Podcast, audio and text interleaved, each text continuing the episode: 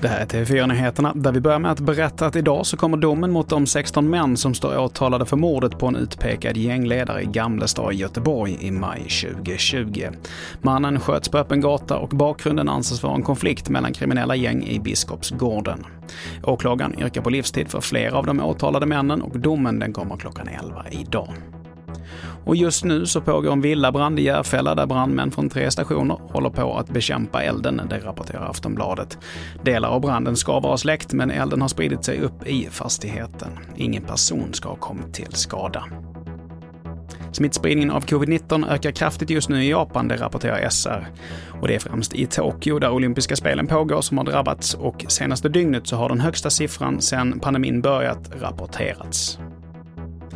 Och till sist så kan vi berätta att Duplantis främsta utmanare om medaljerna i stavhopp, Sam Kendricks, testat positivt för covid-19 och kommer inte medverka i OS. Herrarnas final, den går på tisdag. Det var det senaste ifrån TV4 Nyheterna. Jag heter Mattias Nordgren.